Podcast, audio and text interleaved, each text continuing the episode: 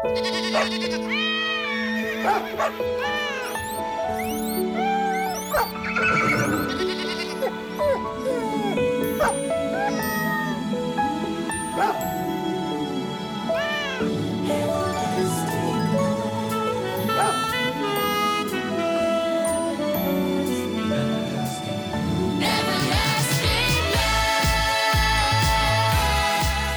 Arbetande hundar och kanske framförallt tjänstehundar är alltid något som har fascinerat mig enormt och jag är oerhört imponerad. Och jag vågar nog påstå att jag är ganska insatt i de här olika typer av tjänstehundar som finns. Men en speciell hund som gör ett arbete åt oss som jag inte har direkt jättekunskap om, det är eftersökshunden. Och det tänkte vi prata om idag i den här podden. Podden som heter Hundcoachen Fredrik Sten och den som pratar är ju då Fredrik Sten. Som gäst i studion i podden idag har jag eh, eftersökshundsexperten Caroline Hagström. Välkommen hit. Tack så mycket. Om vi börjar så här, vem är du? Ja, jag heter Caroline som sagt var. Mm. Jag är en hundgalning Mm. som har fått eh, jakten eh, i andra hand egentligen, kom med eh, som mitt stora intresse. Okej. Hållit på med brukshundar och så vidare innan. Mm. Eh, och sen så har jag växlat efter årens lopp. Blir det rena, bara jakthundar. Eh, Hur länge har du hållit på med jakt då? Oj, eh, nu ska vi se. Jag tog alltså jägarexamen 95, så det tillhör väl nästan snart forntiden va? Mm. Ja, så det är ett tag. Och sen så ett par, par år innan jag tog jägarexamen så var jag aktiv med jakthund. Okej. Ja, Ja. ja, och man kan vara eh, jakthundsförare men inte vara jägare, är det så ja det man behöver ju inte ha vapen. Ja, just det. Smart, har inte jag tänkt på. Ja, det är faktiskt det är inkörsporten för många tjejer, eh, Mm. att deras sambo har Mm. jakthund. Mm. Det är oftast där det börjar. Okej. Och sen då, eh, eftersöksjägare, säger man så? Ja, det stämmer. Mm. Hur, när blev det det då? Oj, det har ju vuxit fram egentligen genom egna misstag, eller andras Mm. misstag. Behöver inte vara en ren skadeskjutning, det kan faktiskt vara dösök också. Att Okej. eh, djuret hinner att gå undan. Mm. En till 300 meter i tät terräng, det är ganska svårt att hitta. Det hittar man inte med blotta ögat, utan hunden är naturligtvis Mm. människans bästa vän även där då. Men när jag, eh, när jag så här, eh, tänker på eftersökshund då, så tänker jag ju direkt, och det är säkert fel, men jag tänker direkt på trafikskadat vilt. Alltså, för det, jag, jag har nämligen själv kört på ett rådjur en gång. Och, och jag grät floder faktiskt. Och den här stackaren hasade iväg då ut i skogen. Och jag ringde polisen och så kom det en jägare med sin hund. Då. Eh, men det är, men det är också det är samma typ av hund som om någon jägare skjut, skadeskjuter en, ett djur eller? Ja, de har ju som sagt det är deras arbetsområde. Mm. Ja, oavsett om det är en skottskada eller om det är en trafikskada. Det innebär att ni står standby då, 24-7 då kan man säga? Eller? Japp, 365 dagar om året. Aha. Alltid, oavsett väder. Mm. Vilken, om det är julafton eller nyårsafton eller Mm. midsommar. Mhm. Alltid. Är det polisen som kontaktar den enskilde eftersöksjägaren då? Eller är det, Ja, polisen ringer ut en kontaktperson. Det? Mm. Eh, Det som är viktigt då när man pratar trafikeftersök, det är att man faktiskt alltid larmar 112. Okej, Ja, alltid larmar 112. var går gränsen där då på djur? Om jag kör på en fluga förstår jag, jag vill inte vara raljant här, men då förstår jag, då ringer jag inte någon. Eh, hare? Hare, nej, det kan väl vara egentligen tveksamt. Det är ju inte så att man ringer ut någon, men det är ju faktiskt så att händer det i ett bostadsområde så är det inte så trevligt kanske för de boende att ha en hare Nej. som har till exempel avkörd bakben eller någonting sånt. Usch, vad hemskt. Så, men eh, däremot, det där med an, anmälningsplikt på, det är ju rådjur och älg och hjort och vildsvin och Ja, okej. ja, de stora rovdjuren naturligtvis. Mm. Mm. Hur många hundar har du då? 600 tror jag jag kommer fram till. Ja, Mhm. 600. Ja. Och vilka, vilka raser? Vi har allt ifrån jämthund till laika till vaktel och sen spaniel. Okej, och och är alla de här eftersöks... Nej, det är inte alla som lämpar sig för det, utan det är ju rena spårhundar alternativt släpphund. Då. Lämpar sig, eh, hur vet man att en, en hund är en lämplig eftersökshund? Ja, det är egentligen, det märker man ju först när man har börjat att sätta igång den här hunden och starta upp den i jakten. Mm. Det är ju det viktigaste. Okej. Eh, en spårhund, en ren spårhund kan man alltid börja träna med från åtta veckor Mm. och framåt. Mm. Att eh, bibehålla spår och, och tycka liksom att, att det här är det roligaste som finns. Mm. Men för att bli väldigt framgångsrik som ek- eftersöksekipage så Mm. behöver man faktiskt nästan ha två hundar. Alternativt vara två personer. Mhm. Så man har en ren spårhund som håller spåret så vi vet vart vi är och sen har vi en släpphund. Aha, Ja. okej. Så att man är, det är mer effektivt och det är också säkrare. Alltså då går det till så jag kör på ett rådjur, jag ringer, ni kommer. Är det då du menar att man har två hundar med sig? Ja, det kan ju vara så att om vi säger så här då, att Mm. mm. jag lägger upp ett scenario. Mm. Ja, kör på en älg i den här tiden. Det sker ju då antingen i tidig morgon eller eh, se, sen eftermiddag. Mm. Eh, älg är ju ett sånt, eh, sånt vilt som med en enklare skada kan komma väldigt långt och även med en svår skada så kan den också ta sig väldigt långt. Mhm. Det kan vara ett väldigt besvärligt eftersök. Mm. Eh, och då är det naturligtvis alltid så att man behöver, inte alltid, men ofta så är det säkrare att man har en ren spårhund och en släpphund. Okej. Ja, och släpphunden är ju alltså till då, oftast utav spetsmodell, Mm. jämthund eller lajka eller något Mm. liknande, gråhund. Eh, som faktiskt skäller ståndskall, som Mm. går ifatt viltet tyst och sen så startar upp och skäller först vid vittring och synkontakt. Okej. Och det här kan man inte ha i samma, en och samma hund? Liksom. Jo, det kan kan man. Mm. Eh, Men ofta som sagt var, när man är iväg, det är som sagt var tidiga morgnar, alternativt sena eftermiddagar. Mm. Det är oftast då det händer. Och då eh, är man ute själv och det är den här årstiden, det är mörkt ute, då ska du ha med dig pannlampa, Mm. du ska ha rätt utrustning Mm. eh, och det är som sagt det är säkrare att alltid vara två. Mm. Man kanske till och med måste ha en förhållsskytt, man måste av En vad sa du? en förhållsskytt, en person som avviker ifrån gruppen och som åker och genskjuter. Det låter som jag sitter och pratar med en polishundförare här tycker jag. Ja, det, är, är men det är lite samma upplägg ju. i- Ja, det blir det. Ja. Det blir faktiskt det. Den enda skillnaden är att de här stackars djuren, de skjuter inte tillbaka. Nej, och sen så framförallt i det här, där man ska ha väldigt klart för sig när det kommer till, till alla typer av eftersök och även trafikeftersök, det är att man ska förkorta djurets lidande. Mm. Det är där man är ute efter. Mm. Ser man att det viltet är friskt, då är det så, då skjuter man ju inte det, självklart. Utan då får, får det ju fortsätta att leva och ha hälsan. Ja, ja, okej. Så man kan göra, till exempel på en älg, så kan man göra flera stötar. Man petar Mm. över loss det och sen så får det stanna igen och så se, konstatera att det är friskt. Ja, ja, okej. Alltså all jakt är ju viltvård. Svar ja. Ja, eh, och det är det ju verkligen. Men då kan man säga att eftersökshund är eh, ännu mer, det är viltvård eh, gånger två då kan man säga. Ja, det är egentligen, det är ju det ultimata egentligen. Att man har en väldigt bra eftersökshund, så Ja. då är man väldigt tryggad. Ja. Både i jakten och även i eftersökssituationerna. Då. Tycker du jag har konstiga frågor? Nej då, det är ganska vanliga frågor Ja, faktiskt. vad bra. bra, för jag känner mig helt pantad här som sagt. Men okej, eh, vad intressant. När, jag förstår ju, eh, jag antar i alla fall, och du nämnde ju också att man kan börja spåra med, som med andra hundar så att säga, väldigt tidigt och börja träna och sådär. Men när ungefär då, om man är duktig och, och man har en bra hund, när, hur gammal är hunden när, man, när den är godkänd eftersökshund så att säga? Normalfallet. Ja, det är ju när de har uppnått eh, sina spår och fått sina spårmeriter naturligtvis. Ja. För att ingå då i den här organisationen, då, NBR, Nationella viltolycksrådet, Mm. eh, då måste man alltså ha avlagt eh, ett intyg, ett hundintyg, man var tvungen att ha, Mhm. där hunden faktiskt, någon ska kunna säga att den här hunden beter sig så här och så här på den här typen av vilt.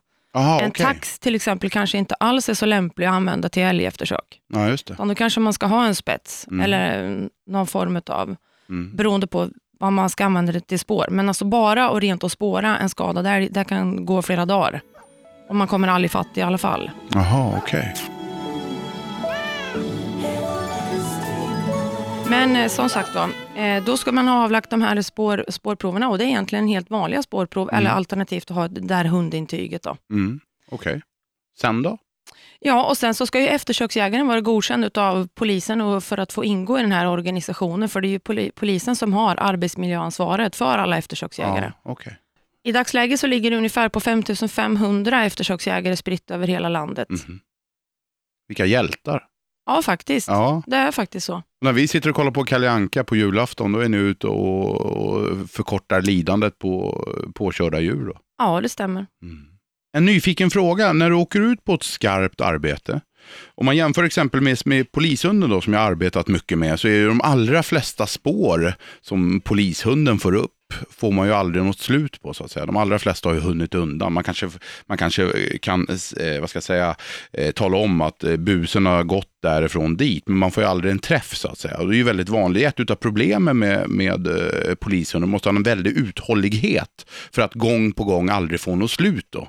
Men när det gäller ditt arbete då, eller ert arbete, hur ofta är det, händer det att hundarna går av spåret? Händer det att nej, vi hittar ingen för min hund spårar inte idag? Eller hur, hur ser det ut? Ja, men det, det händer faktiskt. Att eh, viltet inte kanske är tillräckligt eh, skadat eller att hunden har en dålig dag eller Mm. eh, att det är för torrt till exempel eller att det Mm. blir helt enkelt för svårt. Det händer även för er? Ja, det gör Mm. faktiskt det. Mm. Och, eh, ja, det är väl egentligen omständigheterna som, som, som gör att man kanske inte alltid, alltid lyckas. Mm.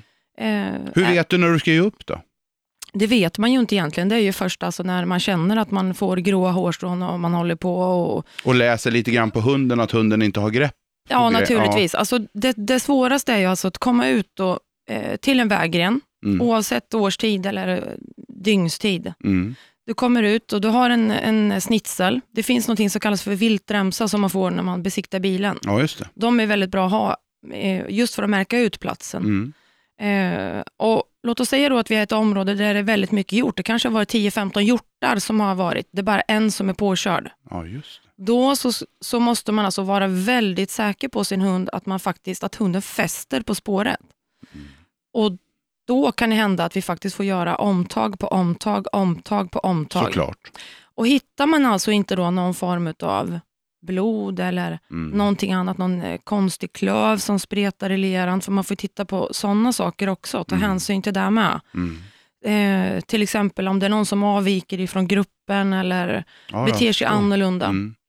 Eh, man får inte vara så, så pass hård emot sig själv eller mot sin hund, utan misstänker man att nej, jag tror det här viltet är skadat, men min hund, det funkar inte då. Mm. Bra fine, då får jag ringa till en kompis. Jag ringer en livlina. Mm. Jag tar hjälp. Mm. Jag vill att du kommer ut och gör en dubbelcheck på det här. Fast det där måste ju vara jättebra, det har inte jag tänkt på faktiskt. Jag, återigen, jag tänker på polishundarna, där är det ju en vardag så att säga. Hur ska vi få hunden att ta rätt spår om det är massor med människor som springer? Men det där har jag aldrig tänkt på när det gäller även eftersökshundar, men så är det ju såklart. Ja, alltså den, den traditionella spårningen då när vi pratar eftersök, då har man ju oftast haft en klöv och sen har man haft nötblod och sen så har man gått. Mm. Eh, det är den eh, traditionella träningen. Mm. Om man skulle, vi, vi skulle prata rovdjur här, då Mm. är det en helt annan bedömningsform, för då blir du bedömd av eh, SLU och eh, SVD som håller i den Okej. eh, examineringen. Mhm. Och där har man ett helt annat tänk då på hur man lägger upp den här spårträningen. Då. Vilket eh, som sagt var, har man hållit på då som du med tjänstehund Ja. och lite sådana grejer, då har man tränat väldigt mycket hårda spår innan. Mm. Så, så då blir det ingen nyhet. Men för jägarkåren då, som alltid har gått i terräng, med en klöv och med nötblod, Mm. då som sagt man, man måste vi jobbar för att snäppa upp snäpporna för att bli bättre, för att hundarna ska bli bättre också. Mm. Det svåraste viltet som vi har idag egentligen, det är rådjur. Jaha. Det är många hundar som går bet på rådjur och vi behöver bättre rådjurshundar. Och vad, vad beror det på då? Ja, det är svårt. Det är, som sagt det är en liten klöv och det, det gör också att eh, hundägaren blir också väldigt frustrerad. Ja, ja. Att man inte klarar av att läsa och följa sin hund. Man är inte säker. Okej. Så bara det här med att vi har, påfört i träningsform, att vi lägger spåren med GPS. Mm. Vi använder oss inte av det traditionella tänket. Ja, okej.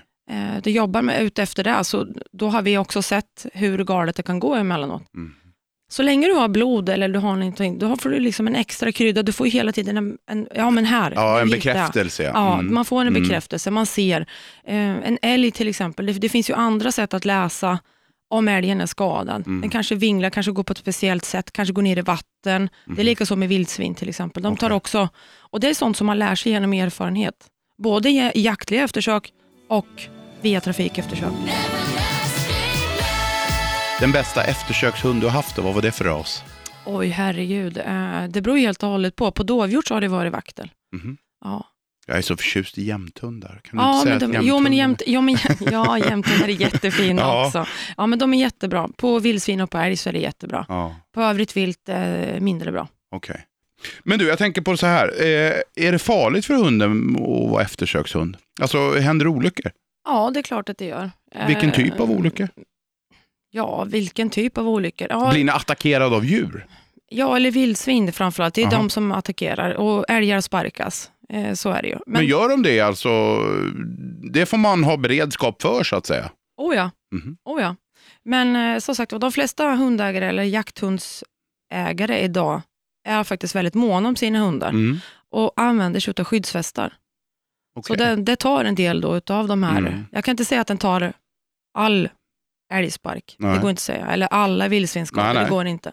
Men ett visst skydd gör det i alla fall. Ja, oh ja, Mm. visst är det så. Eh, Men sen så är det naturligtvis trafiken då. Eh, Det är ju någonting som man ska Ja, vara väldigt, eh, tänka sig för. Och det, Mm.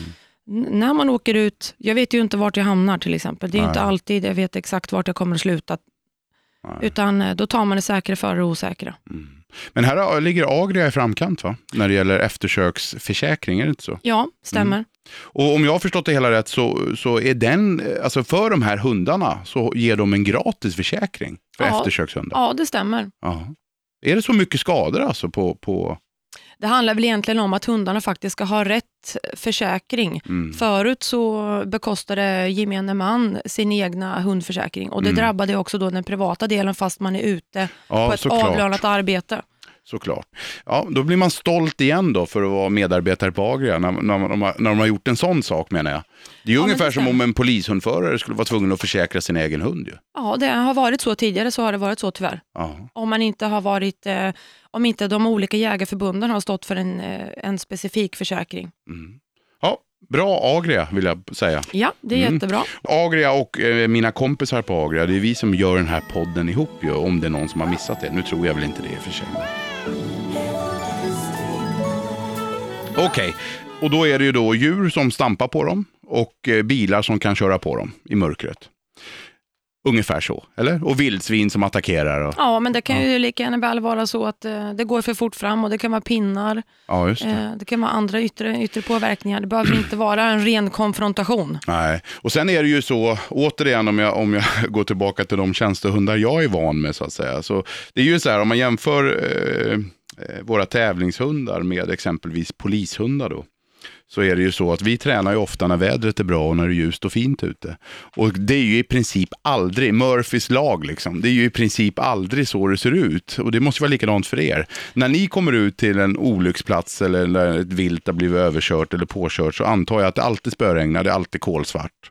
Och det är alltid så jävligt det bara kan bli. Det är faktiskt så. Och det, Ja. det har faktiskt föranlett att i de olika länen så har man faktiskt börjat att påföra framförallt mörkerträning Mm. och mörkerskytte till Mm. exempel för att man ska matcha, man ska veta att utrustningen faktiskt står pall. Ja, Ja. för det är ju natt och dag vill jag påstå. Nu är jag som sagt inte jägare, men jag har jobbat mycket med hundar. Att spåra med en hund dagtid är ju på ett sätt. Att spåra med en hund nattetid, där man knappt ser vad man håller på med. Det Nej, är, det är så. det är så. måste man träna på ordentligt. Ja, alltså, Mm. och det är likadant det här med att eh, oftast då när vi, har tänkt, när vi har tänkt träning, Mm. då har vi tränat på gynnsamma underlag där skogen eh, inte är tillräckligt tät. Mm. Vi har inte tränat i närheten av banvallar till exempel, för de får vi ju inte beträda. Men har vi eh, till exempel tågeftersök, då, då har vi speciella riktlinjer och, och lagar och regler som faktiskt styr det där. Mm. Eh, Vi kan inte vara där och träna om vi inte har godkänt till exempel. Man får inte det. Man Ja, måste ha hjälp att komma över järnvägen till exempel. Hur lång tid kan ett eftersök ta då, i extremfallet? Liksom? Har man otur så kan det faktiskt ta ända upp. Jag har själv hållit på med ett eftersök från klockan nio på kvällen till klockan fem på morgonen. Och då har vi alltså varit två personer, Ja. en hund och vi har fått fly- förflytta oss. Och då har alltså hela ekipaget har förflyttat sig över stora trafikerade vägar där vi har varit tvungna liksom att någon får genskjuta via GPSen. Mm. Och det ska ju också tilläggas här nu. Det här är inte en ordinarie jaktform. När man är ute på trafikeftersök så får man Mm. gå över andras marker, Ja, avlossa skott på andras marker. Mm. Du ser väldigt bestämd ut Ja, när men du säger fast det här, det, det är jättemånga som har missuppfattat det här. Mm. Eh, många egna markägare tar faktiskt lagen i egna händer och gör de här sakerna själva. Fast då, Mm. så länge de är på sin egna mark, Mm. det är fortfarande inte okej. Men så fort de går in på någon annan mark så är det alltså jaktbrott. Det är Ja, ja, ajabaja okej. rejält. Mm. Jag förstår. Det är därför du ser så sträng ut. Ja, lite grann sådär. Hon sitter och pekar med ett finger i luften. Ja, du vet. Ja. viftar så här och Ja, ja, pekar det. rejält. Ja. Ja, riktigt Ja. tydlig. Men då krävs ju lite rejäla hundar också. Ja, det gör det. Mm. Eller framförallt att man eh, faktiskt har en hund som har en bra motivation. Mm. Eh, I det här fallet då så, jag kan inte säga att hon är så himla bra den där hunden, men fast det vart bra. Mm. Alltså, I slutändan så det gick jättebra. Det är just det här som fascinerar mig så enormt med tjänstehundar faktiskt. Alltså återigen, jag håller på på den civila sidan mycket också och tävlar och sådär. Och så kan man vara ute och kanske tävla ett högre klasspår då. Och så börjar man prata om uthållighet och så säger man kanske så här, dålig förlorare då, äh, här spåret var längre än vad det ska vara och så där. Och vi pratar minuter liksom. Och så jämför man då med tjänstehundar, jakthunden i det här fallet, som spårar och arbetar i timmar. Ja, mm. i det här fallet eh, så, jag tror vi hade förflyttning över stor trafikerad och tung trafikerad väg eh, fyra gånger. Mm. Och eh, dessutom så följde det då dessutom E4-kanten.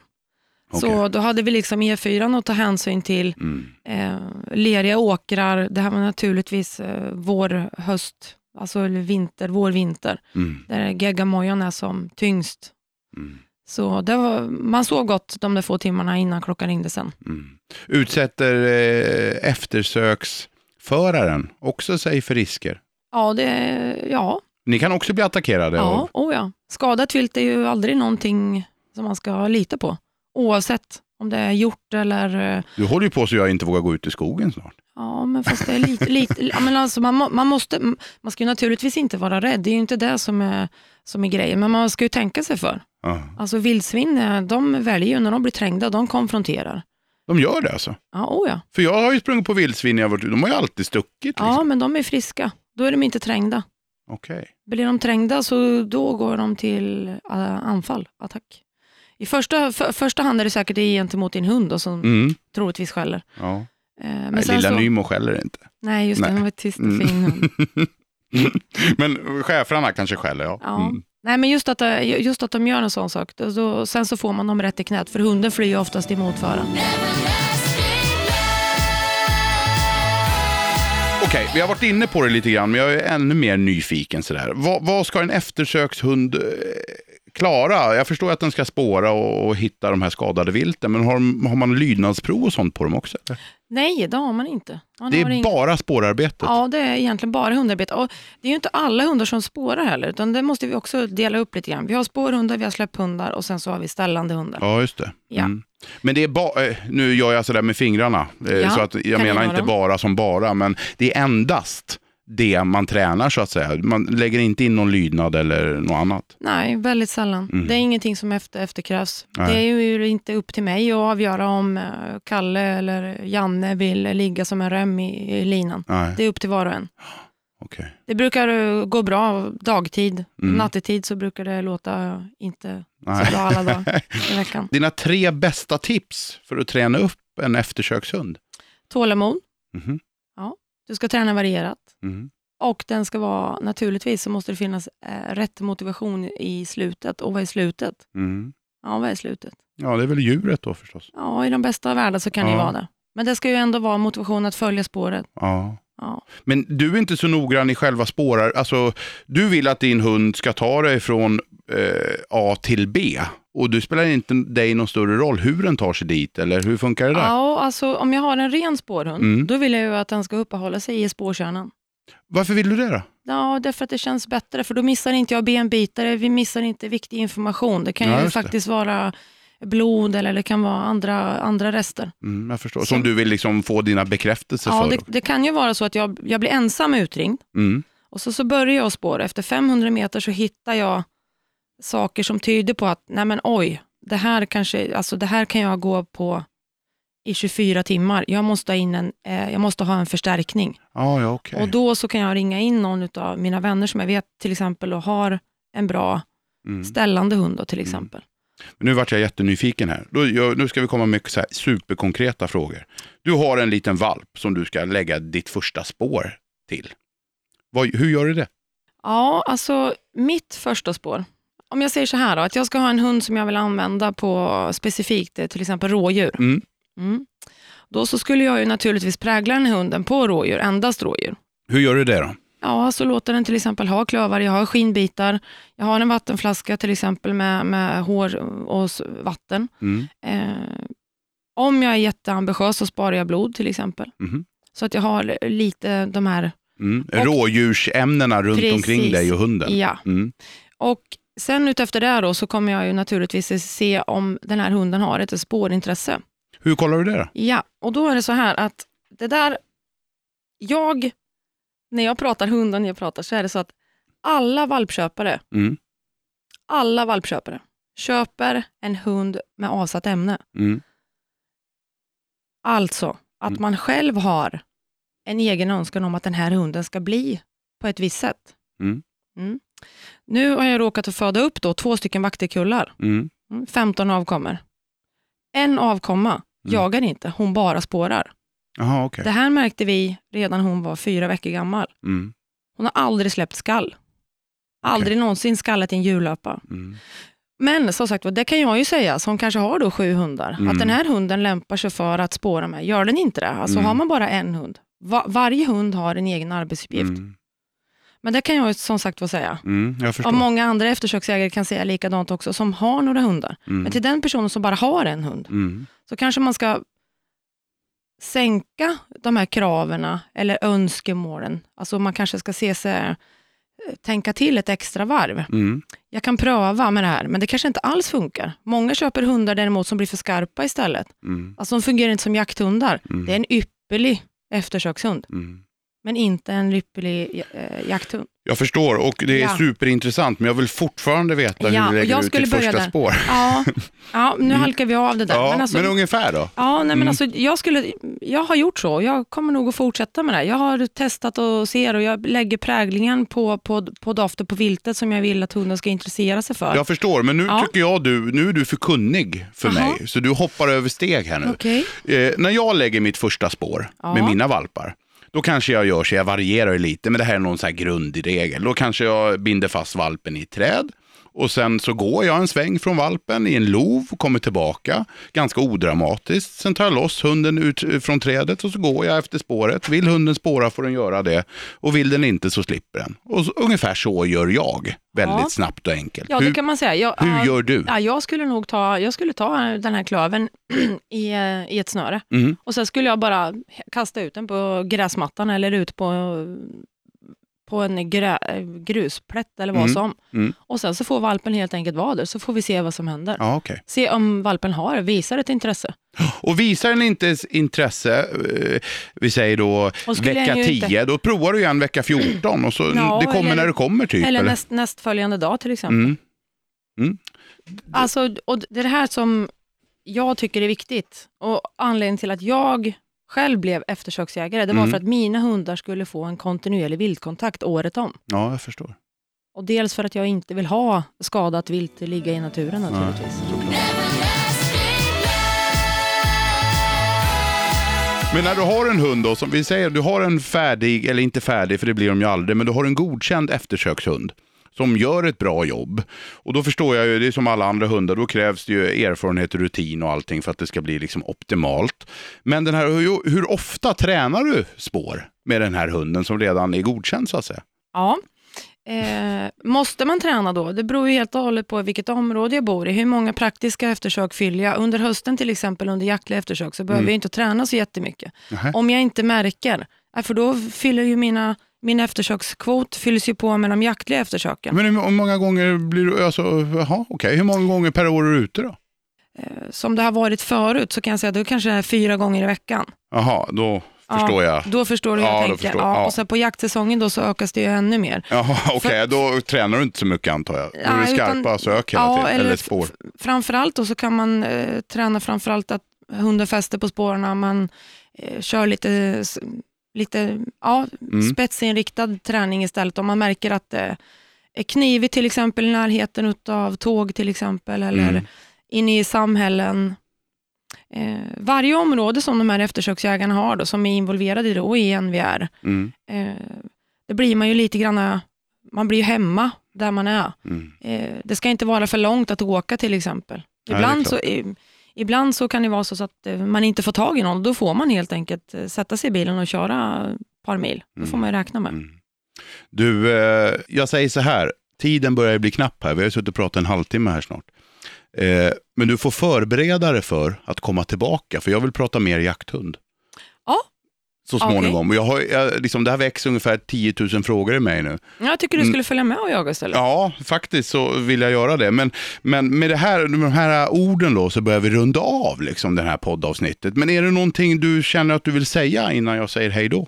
Ja, men jag kan säga så här, att det har varit Mm. jättetrevligt att vara här och få prata och få berätta lite grann. Ja, det här tror jag, det kan ju vara jag som är väldigt obildad då, men jag är ju ganska kunnig på hundar. Men just det här du berättar om eftersöksvarianten, det tror jag går förbi många människor faktiskt. Vilken enorm insats ni gör. Ja, alltså, och där ska man ju faktiskt ha klart för sig att när man alltid sammanstötning med vilt måste man rapportera in. Annars det är faktiskt en brottslig handling. Mm. Och sen så som sagt var, en stor eloge till alla grabbar och tjejer som faktiskt ger sig ut. 24-7, 365 dagar om året. Det är bra. Mm. Nu sitter du och berömmer dig själv här. Ja, men lite kan jag väl få. Ja, det kan du. Ja, suveränt. Jätteskoj att prata med dig, Caroline Hagström. Stort tack för att du kom hit. Tack så mycket. Och till dig som lyssnar då vill jag säga det, glöm inte att prenumerera på den här podden så du inte missar några avsnitt. Och den här podden då som heter Hundcoachen Fredrik Sten, den gör jag tillsammans med mina kompisar på Agria djurförsäkringar. Och glöm inte att följa min blogg där jag bloggar varje dag om olika hundsaker. Och du Caroline kanske kan, kan skriva något gästblogginlägg där någon gång om jakthundar. Ja, okej då. Mm, bra.